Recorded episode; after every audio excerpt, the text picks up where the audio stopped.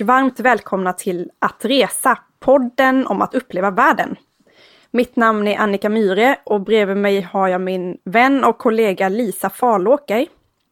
I den här podden pratar vi om att resa och att uppleva världen. Det går inte att tröttna på att varken prata eller skriva om resor. Och vi tröttnar definitivt inte heller på att åka iväg och resa själva. Både jag och Lisa är resebloggare. Lisa skriver på livetfråndenljusasidan.se och jag bloggar på resfredag.se. Det här är en personlig podd där ni kommer att höra oss diskutera resor och resande och allt som hör resande till. Vi är också superglada att kunna berätta att vi i det här avsnittet sponsras utav Universal Sony Pictures som ligger bakom många av våra favoritserier och filmer. I detta allra första avsnitt så måste vi faktiskt börja med att presentera oss själva lite närmare tycker jag. Eller kanske får jag börja med att presentera dig Annika. Det går faktiskt inte att eh, prata om dig utan att nämna familjen. Du har man och du har tre barn som är ganska små, åldern 1 till 7 år. Och sen har du en hel drös med syskon som du är väldigt nära och reser med och pratar mycket om. Så man märker att du är en väldigt familjär och eh, varm person. Och det är också någonting som jag skulle säga om jag skulle presentera dig närmare, väldigt varm och insiktsfull. Och som är en av anledningarna till att jag fastnade för din blogg från början. För det är faktiskt så vi känner varandra. Vad gäller resandet så tycker jag att du har mycket upptäckarlust liksom utan begränsningar. Du har tagit in sex månaders till exempel själv till Taiwan och var där ganska länge. Du har gjort time-out med din familj och varit länge i Thailand. Och eh, du är en sån här doer som bara, ja, det är inga problem, så det kan jag göra. Och Lisa då? Om jag skulle beskriva Lisa med tre ord så är det positiv, levnadsglad och energisk. Och komma in i samma, så, samma rum som Lisa, det är som att få en energiinjektion. Det är väl det som hennes eh, mest karaktäristiska drag. Och det är ingen chansning att hennes blogg heter Livet från den ljusa sidan, utan det är verkligen så. Hon, hon ser livet från den ljusa sidan. Ja, men det är nog ungefär så. Och jag hoppas att vi kan ta med oss det lite grann in i den här podden och få en bra energi och också mycket insikter. För egentligen, varför har vi valt att starta en resepodd nu? Ja, vi vill ju såklart inspirera till resande. Det är ju det som vi tycker är allra roligast i livet, att resa. Och det kan låta som en klyscha att vi brinner för det och allt det här, men vi, vi gör ju faktiskt det. Och vi bloggar ju om våra resor i stort sett dagligen. Och tycker att det är väldigt kul. Men vi vill ju också inspireras utav andra. Absolut, det håller jag med om. Dels tycker jag själv att jag har mycket att dela med mig utav och kan inspirera förhoppningsvis, både gällande resmål men också framförallt mycket vad resande kan göra med en själv. Just det här livet från den ljusa sidan som du pratar om, det är ju mycket en inställning som har kommit från mina resor. Och eh, hur man kan få upp ögonen för andra kulturer och andra saker och växa som person genom resor. Så jag hoppas också att jag kan inspirera, inte bara med erfarenhet och kunskap, utan också med känslor kring resande. Och sen som du säger, inspireras av andra, liksom ta in gäster och prata om häftiga saker som de har upplevt och som inspirerar mig till både resmål och eh, upplevelser som jag, som jag vill göra. Så det ser jag verkligen jättemycket fram emot. Och sen är det faktiskt också så att vi svenskar reser enormt mycket, mer än någonsin. Men eh, jag saknar en oberoende resepodd och tycker att eh, där har vi en nisch att fylla med våra egna erfarenheter, helt oberoende utav någonting annat. Ja, jag tänker det är ju faktiskt så att om man ska ut och resa, den första personen jag frågar, eller det första jag gör när jag ska boka en resa, det är ju inte att gå ut på internet och googla, utan jag frågar personer som jag känner, som jag litar på, som jag vet kommer ge mig en bra synpunkt på var jag ska åka för någonstans. Och sen ge mig ut på internet och läsa tidningar och sådär. Jag håller med. Men du, då måste jag fråga en sak om den här podden. Kommer det vara så här rabblande nu om häftiga resmål och upplevelser som vi själva har haft? Är det det som liksom är poängen? Nej, det är inte poängen med den här podden. Självklart så kommer vi att utgå från de erfarenheter och de upplevelser som vi har själva. Men att resa är så mycket mer än att prata och rabbla resmål, utan det är någonting större. Och vi hoppas också att vi ska kunna, som sagt, ta in gäster i programmet och höra vad de har att säga.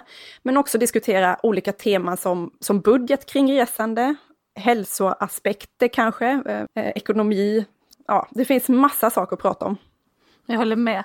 Eh, jag tänker på Resa med barn blir kanske såklart ett område som vi är väldigt bra på, men jag ser också prata om miljöaspekten som är väldigt eh, intressant. Ekoturism, hur kommer det in?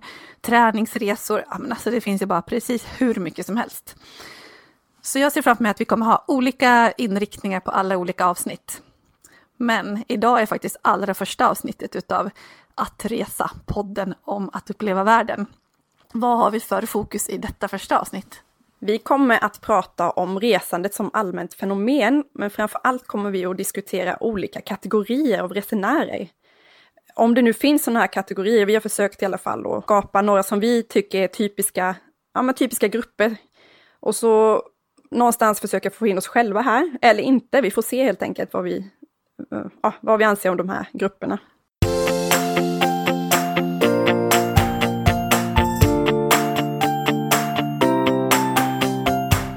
Om vi skulle börja då med den första, första gruppen eh, så är det Weekendliraren. Och vad är med Weekendliraren? Är du en sån? Eh, det kan jag säkert vara. Jag älskar att åka på weekendresor. Jag tycker det är grymt att det är verkligen ett sätt att, att hinna se mycket på kort tid, att få en paus från vardagen. Eh, ja, det är någonting som jag verkligen försöker få in och det är någonting som också, det kräver kanske inte så många semesterdagar. Det är väldigt lätt att ta sig till olika ställen i Europa framför allt. Ja, weekenden är lättillgänglig och eh, man kan verkligen uppleva mycket på kort tid. Det är ju faktiskt inte så att det alltid har, eller jag tänker att det har inte varit så alltid, att weekendresorna är till för alla. Om jag tänker tillbaka på hur det var när jag var yngre, så såg jag framför mig en, en weekendresenär som någon med mycket pengar, som kunde dra iväg en helg till Paris eller Berlin eller så. Det var, jag tänker medelålders par med lite äldre barn sådär. Mm, värsta lyxen liksom. Ja, och så är det ju faktiskt inte alls idag. Med intåget, de här lågprisflygen som har kommit in, så öppnas sig världen för vem som helst. Så weekendresenären, det är idag, alltså det kan vara ett gäng ungdomar eh, som precis har tagit studenten, det kan vara en barnfamilj, man åker med sin kompis eller sin kille eller vad som helst. Ja men helt klart, det hände ju någonting där för några år sedan när de här lågprisflygen kom framförallt och gjorde Europa mer tillgängligt för alla. Nu kanske man pratar ganska illa om många av de här bolagen och tycker att det är dålig service och det är så vidare. Visst, man betalar lite men det kommer ofta tilläggsavgifter och si och så. Men jag tror nog ändå att det var där det började och att, det, att de fortfarande verkligen fyller ett stort syfte och eh, har gjort resor mer tillgängliga för allmänheten och det är ju faktiskt riktigt, riktigt bra. Men sen är det ju ändå också på gott och ont, för det är klart att det är resandet att hålla på och flyga till europeiska storstäder. Det finns kanske andra utmaningar med det. Men det kan vi kanske återkomma till någon annan gång. Men sen tror jag också att rent klassiskt som du sa så har man ju pratat om så här London, Paris, Berlin, det finns en massa klassiska weekenddestinationer. Men numera med de här flygen och tillgängligheten så finns det helt andra ställen man kan åka till. Jag har själv absolut varit eh, weekend i New York, jag har varit på en weekend i Singapore till och med. Eh, som, som utgick från Sverige? Ja, exakt. Jag flög direkt från Sverige till Singapore. Oj. Och var där så onsdag till söndag. Och tyckte jag hann med supermycket. Och jag hade också två väldigt små barn då, eller inte väldigt små, men du vet i den här åldern när saker är som allra mest intensivt. Så när folk sa till mig att, men gud, ska du sitta på ett flyg i tolv timmar bara för att vara där i fyra, fem dagar? Då var jag så här, men det är ju drömmen. Jag får checka ut från allt och bara sitta i den här flygstolen och bara tänka på mig själv sova lite, titta på en film, kanske bara stirra ut genom fönstret och det är tyst. Det är fantastiskt.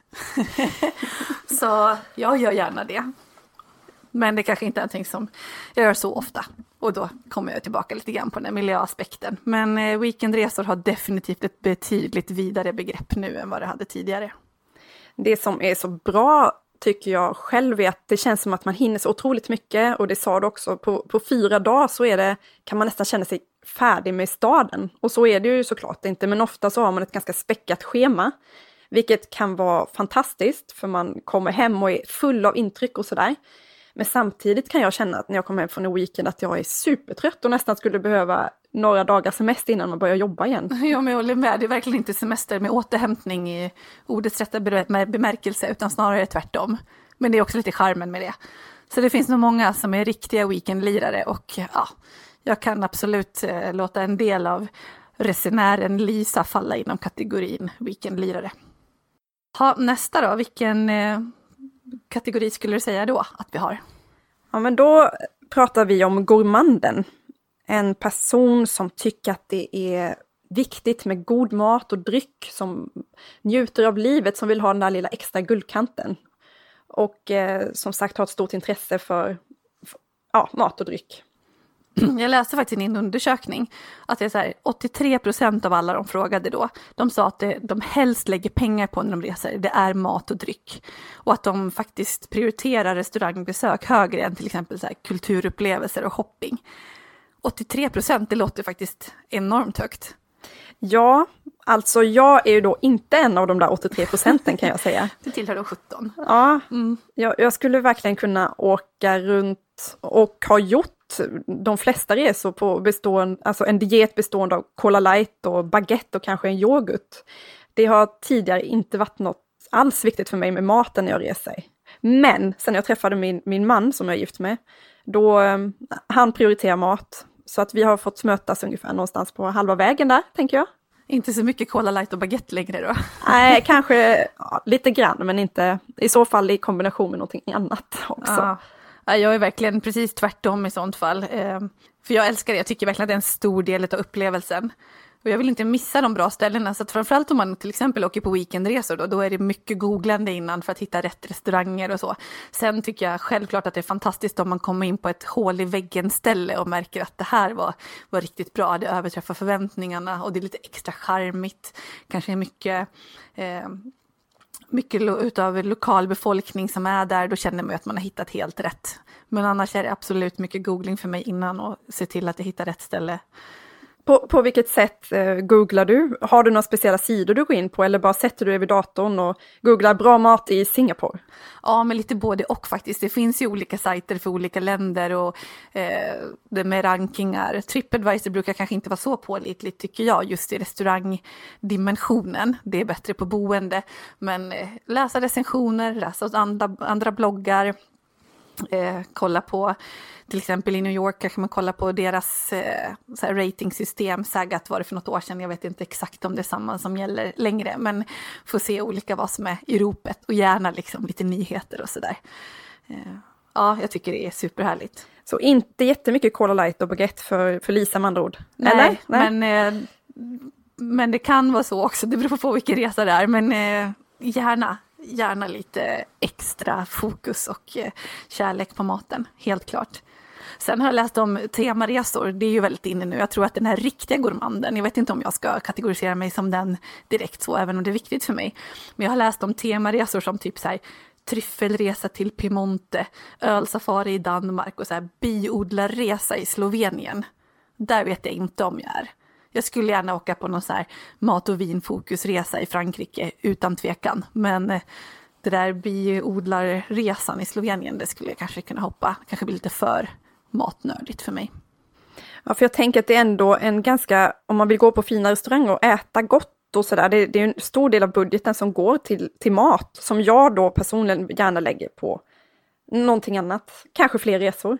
Ja, ja det, jag kan inte säga emot dig i den faktiskt. Så är det ju. Så det beror väl på. Uh, om man väl åker till New York i några dagar, då lägger man lite extra krut där. Men uh, inte på bekostnad av mängden resor, herregud. Nej. Nej, så jag får inte hamna helt i den här kategorin. nästa kategori vi har är, som vi har spanat, det är backpacken. Ja, det känns väl som kategorierna av kategorier, lite där som det börjar för de flesta som har ett stort reseintresse. Och så var det absolut också för mig. Eh, jag vet inte hur mycket backpack jag kan säga mig var längre, men absolut att det var där det började. Lite så var det för mig också. Eller jag, jag började resa tidigare än så och upptäckte skärmen med det. Men jag, när jag slutade mina universitetsstudier, sista, efter sista kursen så åkte jag på en jorden runt-resa under fyra månader ungefär. Och så ja, jag är väl också en, ja, där någonstans. Vi har ju kommit fram till faktiskt att vi har det gemensamt, att man åkte på den där långresan helt själv. För mig vet jag att jag sa till, min, till mina föräldrar att jag ville ut och resa, jag skulle göra det med en kompis, men sen blev det inte av. Men det där gnagde i mig, för jag ville så gärna och jag visste att det här var någonting som jag bara måste komma iväg på. Och sen så, ring, så satt jag en sommar och bestämde mig för att ta studieuppehåll i mina universitetsstudier. Så jag ringde till mina föräldrar som då var ute på en segelbåt någonstans på Östersjön med kompisar och så sa jag det att mamma, nu har jag bestämt vad jag ska göra. Jag har en plan. Och då sa hon så här, jag vill inte veta den planen förrän jag står med fast mark under mina fötter. så det fick jag vänta lite med. Och sen så sa jag, när hon väl hade fått sin fasta mark under fötterna, så sa jag det att ja, jag förstår att det här känns jobbigt för dig, men jag ska åka till Asien själv i ett halvår och backpacka. Eh, men jag, jag, förstår kanske att det, att det känns lite känsligt och hon avbröt mig och sa det förstår du inte alls förrän du själv har en 21-årig dotter som säger att hon ska åka själv till Asien i ett halvår. Och så var det med det. Nu har jag barn, nu förstår jag vad hon menar, men jag gjorde det i alla fall. Eh, och det var där det började, det var där jag blev bitten by the bug som man ska säga. Men hon, vis hon visste ändå lite vad som var på gång? Eftersom hon... Ja, hon misstänkte det. Hon förstod att det var det som skulle komma. Hon förstod också att hon inte skulle stoppa mig. Hon förstod att hon inte skulle vilja det, hon förstod att hon inte skulle behöva det. Men det kanske inte kändes helt bekvämt. Men just det där med att resa och vara i den åldern och ge sig ut på den här backpackingresan. Det känns nästan som att det är en så här obligatorisk grej, inte minst numera. För för mig var ju det här nu närmare 15 år sedan, nej inte riktigt, men eh, någonstans där. Ja, precis. Det är ju det här, man tar studenten eller man pluggar länge och, och någonstans där så ska man hitta sig själv. Vem är jag? Vad ska jag göra med resten av mitt liv? Man ska gå på någon sandstrand i, någonstans i Tjotahejti på en paradisstrand och kolla upp på stjärnorna och komma på vad man vill göra i resten av sitt liv. Men, men så är det ju faktiskt inte alls för alla, utan jag såg en jätteintressant eh, dokumentär som är väldigt sevärd om, om Jonna Jinton, en, en bloggare, som berättade att hon, hon kände den här pressen efter hon tog studenten, eller när hon hade pluggat ett tag, att det nästan fanns en förväntan på henne som, som tjej i 20-årsåldern, att man ska göra den där resan, man ska, man ska ut och se världen. Och det är också något som jag uppmuntrar min lilla syster, du måste, du måste resa, du får inte missa det. Du, mm. åh. Men hon sa nej, alltså jag fattar inte, jag hade inte alls det behovet av att åka iväg, jag vill bara hitta lugnet och vara för mig själv så hon flyttade upp typ 100 mil norrut och bor numera i en stuga i skogen och är jättenöjd med det och älskar det livet. Ja, men det är väl ganska skönt om den där pressen släpper och att man faktiskt får göra det för att hitta, hitta sitt eget så. Men sen tycker jag att känslan med, alltså dels det som du säger att upptäcka världen och, och liksom lära känna dig själv, för så var det för mig, att det där byggde enormt mycket självförtroende. Jag kände mig starkast i hela världen när jag tog mig runt där utan problem och jag hade liksom min Lonely Planet i ena handen och en sjukt vass armbåge i den andra och liksom var redo för allt och hade en del tuffa upplevelser också, givetvis. Jag kände att det det gjorde enormt mycket för min självkänsla och eh, mitt självförtroende som jag haft med mig alltid. Så det är det ena som jag tycker, men det innebär inte att det behöver vara ett måste för alla. Och sen det, andra är lite det här känslan av att man har allt man behöver i en ryggsäck. Jag hade en 55 liters rygga vet jag. Det är inte jättestort, det kanske inte säger så mycket för alla, men den är inte väldigt stor. Men där hade man precis allt man behövde för de här månaderna. Och eh, ja, den känslan är ganska mäktig. Och det var min insikt både då och sen alla gånger som jag har backpackat efter det också, att jag kommer hem och känner mig lite mindre eh, sugen på att konsumera och behöva ha så himla mycket saker, utan att man klarar sig faktiskt jäkligt bra om man bygger på det som är inuti på något vis. Ja, hjälp! Vad har man egentligen hemma? När man tänker efter, egentligen har man allting man behöver. Om man packar ihop alltså, sina kläder och särskilt, ah, det är ju jättekonstigt egentligen. Ja, Hjälp, vad mycket verkligen. grejer man har. Ja, men du får inte säga så, då kommer jag få lite ångest nästan. men nu då med barn, är det backpacking fortfarande? Alltså, ibland, eller en kombination skulle jag säga. Man åker iväg med det man har och sen får vi se lite vad som händer under vilken typ av resa.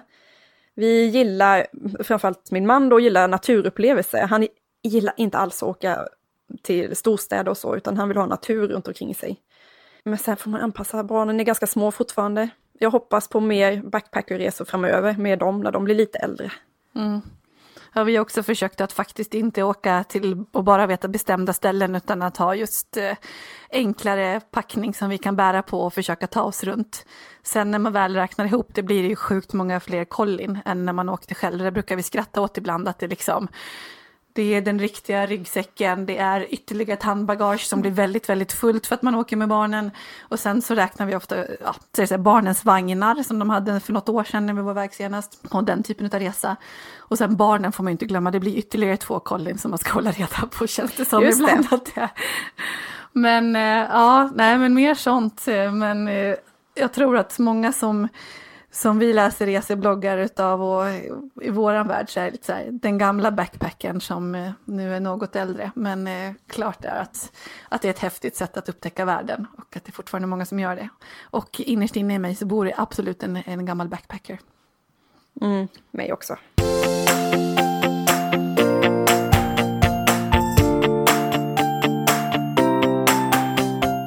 Men du, nu måste vi slänga oss in i ett lite mognare område då. Kulturnörden eller kulturnissen eller nissan. Känns det igen? Ja, alltså till att börja med ska jag säga det här kulturnörden, begreppet nörd, det innebär ju inte att vi tycker att det är töntigt med kultur, utan när man nördar in sig, det är, man har ett stort intresse helt enkelt för kultur. Ja, men man ska ta nörderiet med stolthet. Exakt. Ja. Jag önskar egentligen att jag var en kulturnörd, jag önskar verkligen det, men jag är inte det än. Jag tänker att jag är fortfarande, men jag är ändå 35, jag kanske blir det. Tror du att du kommer bli det? Ja, men sådär ha på mig Gudrun Sjödé-kläder och gå runt med fina glasögon och gå och kolla på museum och Ja, Du vet. och sen skaffa en gård på Österlen och så kommer du liksom... dreja. dr- Ja, dreja. Ja.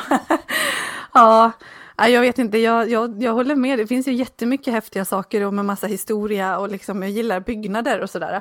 Men eh, jag får nog erkänna att vi bodde i New York i tre månader. Vi gick varken på MoMA, heter det väl, Museum of Modern Art, eller Guggenheim eller någonting annat. Faktiskt tre månader. Folk tror inte att det är sant. Och jag har varit där en massa gånger sen också. och Bara, men MoMA har väl varit på?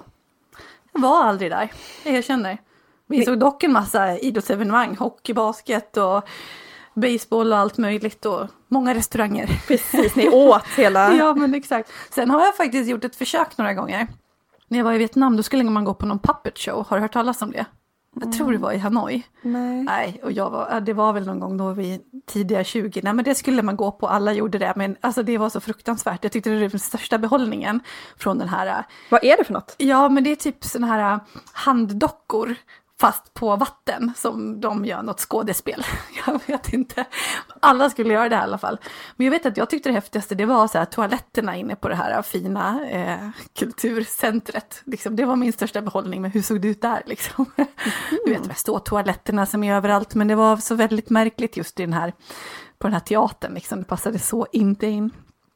Jag har också, vet jag, i Prag följt med på någon, någon dans man definitivt skulle göra. Lite motsvarande att gå på en ballett eller någonting här. Men det här var också någonting utöver det vanliga. Och jag vet att jag satt där och somnade på den här. Och hade ångest över att inte jag var med de andra som hade valt bort det här och istället var ute och gjorde en liten pubrunda innan middagen. Så att, nej, jag är dålig på det här med kulturen. Ja, jag försöker också. Nu i våras var ju jag i Taipei med min dotter och min kompis också och hennes dotter. Och då var en av sakerna man var tvungen att göra när man läste alla ja, guideböcker och sådär, det var att gå på National Palace Museum. Det är ett jättestort museum som innehåller en, en större del av Kinas kulturskatter. Och vi åkte dit och det var så mycket folk, det var helt packat med kineser, de var precis överallt, i varenda rum var, och man kom in och de skulle fram och kolla på bebisarna var sex månader och skulle röra och du vet det var överallt och det var bara rum fyllda med tusentals vaser från olika tidsepoker och, och både jag och min kompis Pernilla, vi Alltså ganska snabbt, vi bara, ja det här var fint, men nu, nu tar vi en taxi ner till stan och njuter av att gå i kvarteren och lukta på lukterna och kolla på människorna. Ja, men ni fick i alla fall er check in the box. Liksom. Ja, Ja, nej men det finns ju förbättringspotential på den fronten då. Men det är ju nästan lite skönt att inte hamna i alla kategorier här, för det skulle verka väldigt spretigt. Ja. det är sant. ja, men sen då? Eh, kamparen, är det någonting som känns igen för dig? Alltså, ja men kanske lite. Jag brukade följa med mina kusiner till en jättestor camping på Öland som heter Böda Sand. Och då åkte vi husvagn dit och jag tyckte det var så fantastiskt med den här husvagnen som, alla, som hade allt. Det var som ett litet hus som bara åkte omkring. Jag var jättefascinerad och älskade det. Då. Men det känns lite så här helylle liksom. Det är tältandet och det är... Eh, Ja, tränings, fri- eh, träningsoverallerna, hela familjen samma. Ja men exakt. Jag har ju faktiskt den bakgrunden som barn att det var mycket tältande och ute i kanot och sådär. Men det är inte så som jag har tagit med mig så jättemycket som vuxen. Och varken husvagnslivet eller husbilslivet har väl varit så här jättemycket för mig. Men jag har hört om ett nytt begrepp som heter glamping. Jag vet inte om det är en glampare. Vad är det för något? Ja, men då vill man ta sig ut och man vill vara lite så här eh, ute i naturen och sådär, men man vill göra det på ett lite lyxigare sätt. Gärna ha det väldigt enkelt serverat för sig. Jag läste till exempel om eh, Cecilia Blankens, läste du det också? Ja, just det. Jo, de var i Santa Barbara på, på glamping då. Och då var det för uppspända tält mm, som hade dubbelsängar i sig eh, i de här tälten och det låg framme schampo, typ små flaskor och handdukar och grejer.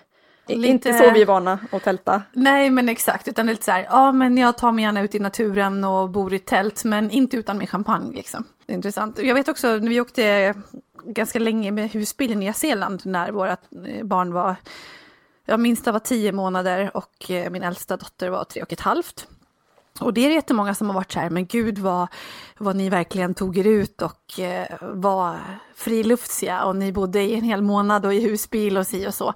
Och så är det väl, men om man jämför med vad vi faktiskt såg där, där vi ofta liksom, vi bodde bara på camping till att börja med. Vi hade ju den största husbilen som bara fanns. Eh, kanske inte den lyxigaste, men det var mer av misstag. Hade jag gjort om det hade jag haft en bättre husbil. Och bredvid oss på de här campingarna, där låg eh, tyska familjer i tält och de hade gärna fler barn än vi. Yngre, du vet så här ah, fyra månaders bebisar och sådär. Vår var ju ändå tio månader och åt riktig mat liksom. Eh, Så jämför man så har det nog varit glamping hela vägen. Det är nog så att jag inte alls är särskilt eh, icke bekväm av mig i det avseendet. Så jag tror att glamping det är, ett, eh, det är ett begrepp som vi ska lägga på minnet lite grann. Eh, Men sen finns det ju andra, liksom just med här när man kommer in på husbil, så finns det ju sådana som gör sådana häftiga resor också, ute riktigt länge i sina husbilar. Ja, vi har faktiskt några gemensamma bekanta, ett par som har en reseblogg också som heter Freedom Travel.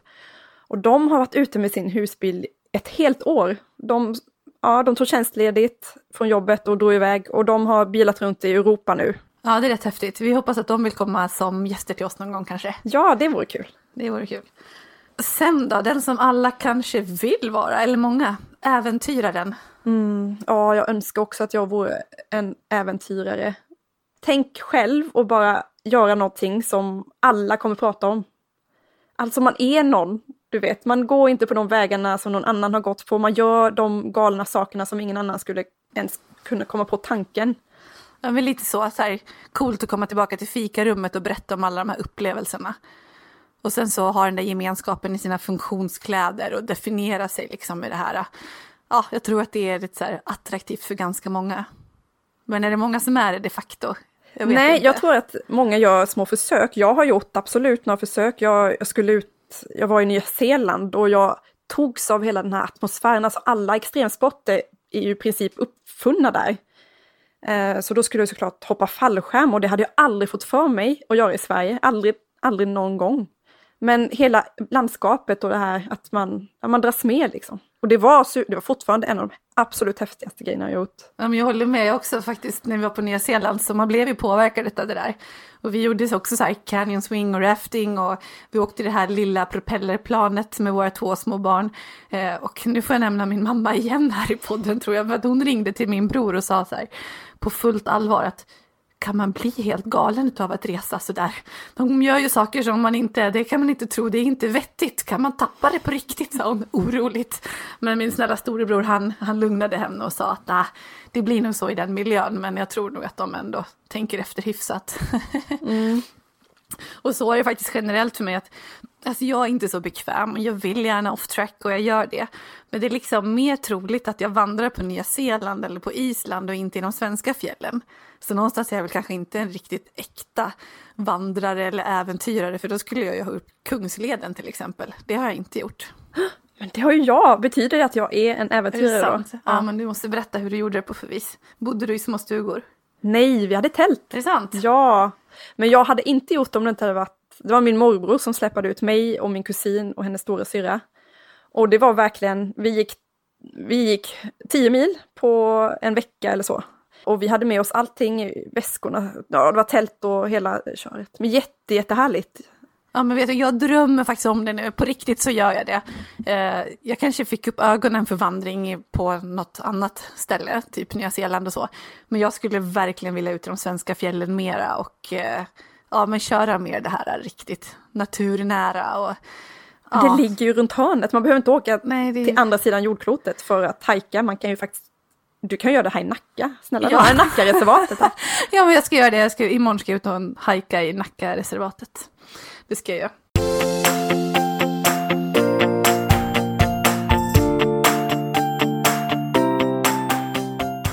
Ja, nej men mer äventyrare vill man ju vara, men det är faktiskt samma sak till exempel med att sova i tält. Mina barn, de har sovit i tält utomhus en enda gång. De är fem och sju år gamla, de tycker ju tält är jättespännande.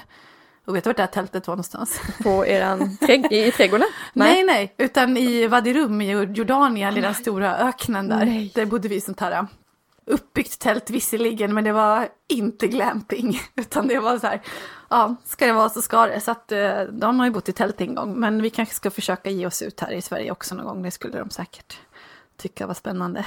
Ja, för våra barn har sovit i tält, men det var på baksidan av vårt hus. Ja, så. Ja, ja men ändå, den, den goda viljan liksom. Den finns. Ja. Men apropå det, en riktig äventyrare som jag inspireras sjukt mycket av och måste tipsa om också nu när vi sitter här i podden. Det är Helena Olmås, en PT här i Stockholm, som eh, är ute och vandrar just nu på Nya Zeeland. Hon går en led som heter Te Araroa. Det är alltså en led som går genom hela Nya Zeeland, från längst norrut till längst söderut om jag har förstått det här rätt. Det är typ 300 mil eller någonting. Så jag tror att hon är borta i så här fyra, fem månader och bara vandrar varje dag. Eh, jag följer henne på hennes blogg. Ja, hon började för ja, ett gäng veckor sedan. Jag vet inte exakt hur länge hon har varit ute. Och det verkar vara ja, helt fantastiskt, men också sjukt jobbigt. Ja, jag också inspireras väldigt mycket och jag följer henne på Instagram varje dag. Det är så häftigt. Och hon har ju faktiskt ett jättestort projekt bakom Hon samlar ihop pengar till, till Cancerfonden. Så det är också tips att gå in och kolla där, för hon gör det verkligen för ett eh, behjärtansvärt ändamål också, vilket gör saken ännu häftigare tycker jag. Mm. Grymt. Vi lägger upp på attresapodden.se så lägger vi upp ett inlägg där vi kan eh, länka. Så att ni lätt kan gå in och hitta henne där. För det, hon är en äventyrare på riktigt och vi inspireras enormt mycket. Tror du att eh, Helena skulle definiera sig själv som en charterresenär? Nej, jag vet inte riktigt. Är du det? Nog inte. Nej, men jag är nog inte det, men jag vill inte heller vara sån här äh, som klankar på charter eller liksom bli sån här resesnobb nu igen. Men jag har väl vissa fördomar som jag har lite svårt att släppa. Du då? Ja, jag får väl säga det också. Jag har varit på charter ett par gånger för länge sedan. Men alla fördomar jag hade om charterresenärer, de, de var ju sanna. Det var verkligen man kommer till ankomsthallen och bussarna står utanför och väntar och det var verkligen, vi måste skynda oss så vi får plats på bussen. Men de där bussarna, det är ju exakt uträknat så det är klart att det finns plats för alla. Och också du vet med bufféerna och folk skulle skynda sig fram och, och Nej, och du vet paxa solstolar, jag, jag har ja, jättesvårt för det. Ja men det där med solstolar. Jag tror att det är mitt värsta. Kunde man garantera att här paxas inga solstolar, då kanske jag hellre, alltså mycket, mycket hellre skulle åka på charter. Det är mitt värsta. Jag kan bara inte slappna av. Och jag har ju varit på några hotell där det har varit så och eh, alltså jag blir helt galen. det är så här, lockar fram de sämsta sidorna hos mig tror jag när jag ser så här, solstolspaxning. Generellt så finns det ändå faktiskt de som tycker charter är det bästa som finns. Det kommer aldrig försvinna. Jag tror säkerligen att jag och min familj kommer göra en riktig charterresa hyfsat snart för att det, ligger lite i fas med vart vi är i livet just nu med barnen och så. Och sen så framförallt så är charterbolagen enormt duktiga på att anpassa sig efter trendutvecklingen. De eh, tillhandahåller massa olika koncept som passar alla. Och just gällande det här med den typen av upplevelser som man vill ha och lite sådär. Ja, man kan plocka ihop själv numera. Man behöver inte åka på en vecka och det ska se ut så här, utan man kan men precis. Ja. Och sen pratar vi jättemycket om resor som är just så här resande och uppleva och så. Men ibland vill man bara ha semester. Mm. Och det är en helt annan sak. Eller jag menar inte att liksom helt särskilja på, på resa och semester. Men vill man bara ha en veckas återhämtning och man vill ta det lugnt, man vill bara fokusera på att vara med barnen och familjen.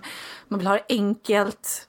Då tror jag att det är det absolut bästa konceptet. Ja, en sak som jag tilltalas av, det är ju barnklubbarna. Det skulle vara så härligt och kunna lämna in barnen en stund och få en liten stund med min man eller själv bara gå, du vet utan att höra någon bara mamma, mamma, mamma, mamma. Ja, men exakt. Det är klart.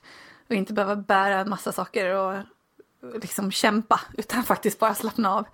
Mm, vi, har, eh, vi kommer göra och har gjort charterresor, definitivt. Vi kommer prata mer om det. Men sen har vi faktiskt en sista liten bubbla där som är så här stugfamiljen. Som kanske inte pratar om borta bra men hemma bäst och en upplevelse man har haft utan så här om inte hemma hemma så hemma borta. I stugan. Och stugfamiljen, det är ju faktiskt, det är så som jag är uppvuxen. Jag, ja, som du sa, vi är ju från, eh, jag kommer från en väldigt stor familj, många syskon och föräldrar som, ja men de hade så här vanliga jobb, polis och, och mamma var hemma mycket med oss. Och alltså vi hade, det fanns inga ekonomiska möjligheter att åka iväg på semester eh, utomlands. Så. så vi åkte alltid till vårt sommarställe i Karlskronas skärgård, en ö som heter Sturkö. Och jag vet man kom tillbaka från alla sommarlov, och vinterlov och påsklov och, och alla bara, ah, du vet, vi har bilat i Italien och vi har åkt skidor i Alperna och ah, vad har du gjort då? Och jag bara, ah, vi har varit på Sturkö. Men samtidigt nu, och då, det var ju det absolut bästa jag visste att komma dit. Jag har alla mina finaste minnen därifrån, nästan. Alltså, Ja, men jag förstår precis vad du pratar om och jag känner det liksom bara när du säger det. Och jag har precis samma själv också med släktgården i Dalarna som för mig är när jag kommer dit och är det semester. Då är det så här, alltså då sjunker axlarna en decimeter och man andas in de här härliga dofterna och man känner de känslor som man har känt varje sommar sen man liksom överhuvudtaget kunde skapa minnen. Och när jag ser mina egna barn i det där så blir jag ännu mer tagen och är så här, ah, gud nu springer de barfota ner där precis som jag har gjort. Alltså det finns ingen känsla som går upp emot det. Är det resa att göra det här också? Ja, men visst är det det. Vi vill ju åt samma typ av känslor. Att resa är ett begrepp som är så personligt och kan innebära så många saker för så många. Men när det kommer till kritan så är det väl samma upplevelse man vill åt. Att man vill ta en paus från vardagen, man vill komma bort. Eller hur mm. tänker du? Nej, men jag håller helt med. Och eh, det är ändå så här, bokar man in att åka dit en helg eller en vecka så är det så här, någonting man verkligen vill göra och se fram emot, precis som vilken resa som helst. Så jag tycker nästan att vi kan börja sammanfatta med det. Att eh, det är att resa och att resa är ett enormt brett begrepp. Det kan innefatta alla de här delarna eller bara något utav det. Ja, och det är det jag tänker också att alla de här kategorierna nu som vi har lite raljerat över, alltså weekendliraren, gourmanden, backpacken, kulturnörden, kamparen eller glamparen och äventyraren, charterresenären och stugfamiljen. Vi vill ju åt samma känsla, eller hur? Ja men exakt, jag tror att gemensamt är liksom suget att uppleva, upptäcka, byta miljö, få kvalitetstid med någon man tycker om, bara komma, komma bort, koppla av, koppla bort. Det är liksom allt det som det innefattar och det är resande för mig. Så jag har ingenting emot att jag hamnade i alla kategorier, tvärtom så tycker jag att det är just det som är att resa. Det är det som är skärmen. Verkligen. Så avslutningsvis så känner jag att det finns här enormt mycket att prata om för det här med att resa. Och jag ser jättemycket fram emot den här fortsatta poddresan med alla avsnitt vi kommer kunna ha med, med roliga olika fokus. Ja, det här skulle man kunna prata om precis hur länge som helst och det finns så många aspekter på resandet som vi vill prata om framöver. Verkligen. Och tanken är väl att vi ska släppa podden ungefär varannan vecka. Mm. Och så nästa avsnitt kommer om, om två veckor och då är det fokus på, på jul, att fira jul utomlands exakt. eller hemma. Ja, men exakt. Vad eh, är lite för och nackdelar med att fira jul hemma eller i Sverige versus med att åka någon helt annanstans. Och vart kan man åka någonstans och vad har vi lite för erfarenheter kring det? Och eh, ja, så pratar vi om i julveckan. Det kanske blir lite sent för eh, någon att ändra sina planer men kanske lite inspiration till året därpå baserat på vad man känner mitt i den mesta julstressen och julmyset förstås. Ja, men vad kul! Nu ska vi snacka om ett inslag som kommer komma tillbaka och det är veckans lista. Och då har vi fem spaningar i korthet från Ving semesterrapport 2015 årets eh, trendspaning kan man säga inom resebranschen som de kommer fram till genom att göra massa intervjuer och ha en panel och väldigt mycket diskussion kring det här. Och deras övergripande spaning är att allt fler ser resan som en livsstilsförbättring. Resenären vill liksom att resan ska vara en njutning men ändå komma hem som en bättre version av sig själv. Och mycket av det handlar om träning på semestern tydligen. Men eh, inom ramen för det här med resan som livsstilsförbättrare så har man kommit fram till fem spaningar. Så veckans lista. 1. Resor med likasinnade. 2. Träning och upplevelser i symbios. 3. Från turist till lokalist. 4. Lättillgänglig träning som inspirerar. Och 5. Njutningspoäng utan pekpinnar. Ja, det är väl så att vi, vi människor, vi trivs bäst när vi kan identifiera oss med andra personer som är ungefär likadana som oss. Alltså småbarnsfamiljer kan identifiera sig med småbarnsfamiljer. Gillar man att träna så vill man hänga med folk som tränar. Så man, vill, man letar efter en samhörighet helt enkelt. Det tror jag också. Och jag tror också att det kan vara så här, den man vill vara. För man vill förverkliga sig själv genom resan. Så att man kanske också är så här, den man vill identifiera sig med. Eh, jo, men jag är också sån här som tränar jättemycket. Jag ska nog åka på en träningsresa. Men det är härligt, absolut, att vi drar oss till, till likasinnade och vill resa med likasinnade. Nummer två är träning och upplevelser i symbios. Eh, det handlar om att vi vill uppleva någonting utöver det vanliga. Att vill ha en symbios där upplevelser och fysisk aktivitet går hand i hand.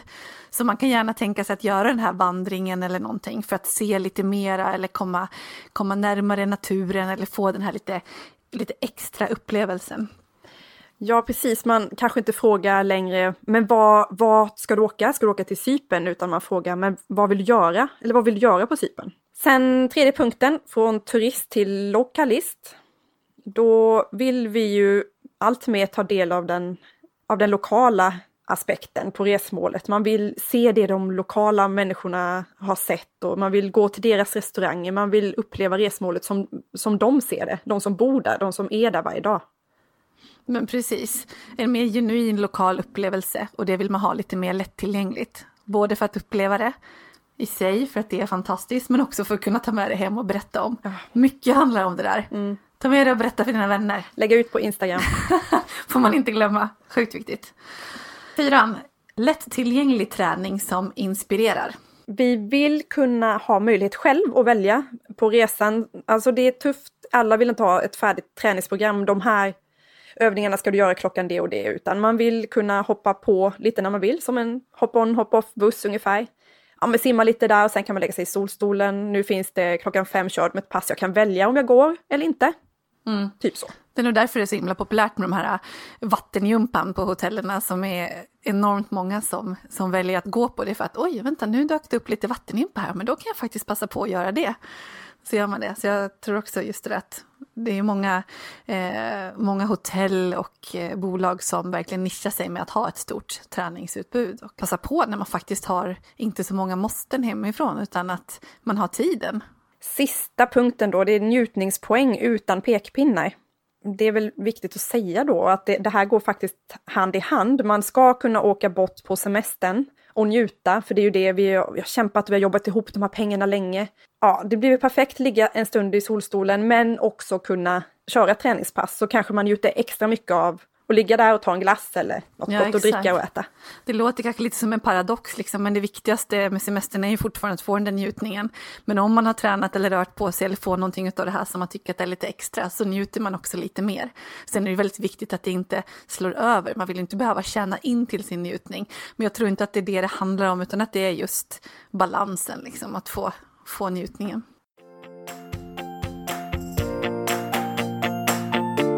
Du Annika, vet du, jag inspireras superofta till resor utav att se på tv-serier och filmer och sådär där de är i speciell miljö. Och eh, just nu så har Downtown Abbey eh, visat sin sjätte och sista säsong och släpps på box nu i december. Tittar du på den serien? Ja, jag älskar Downtown Abbey.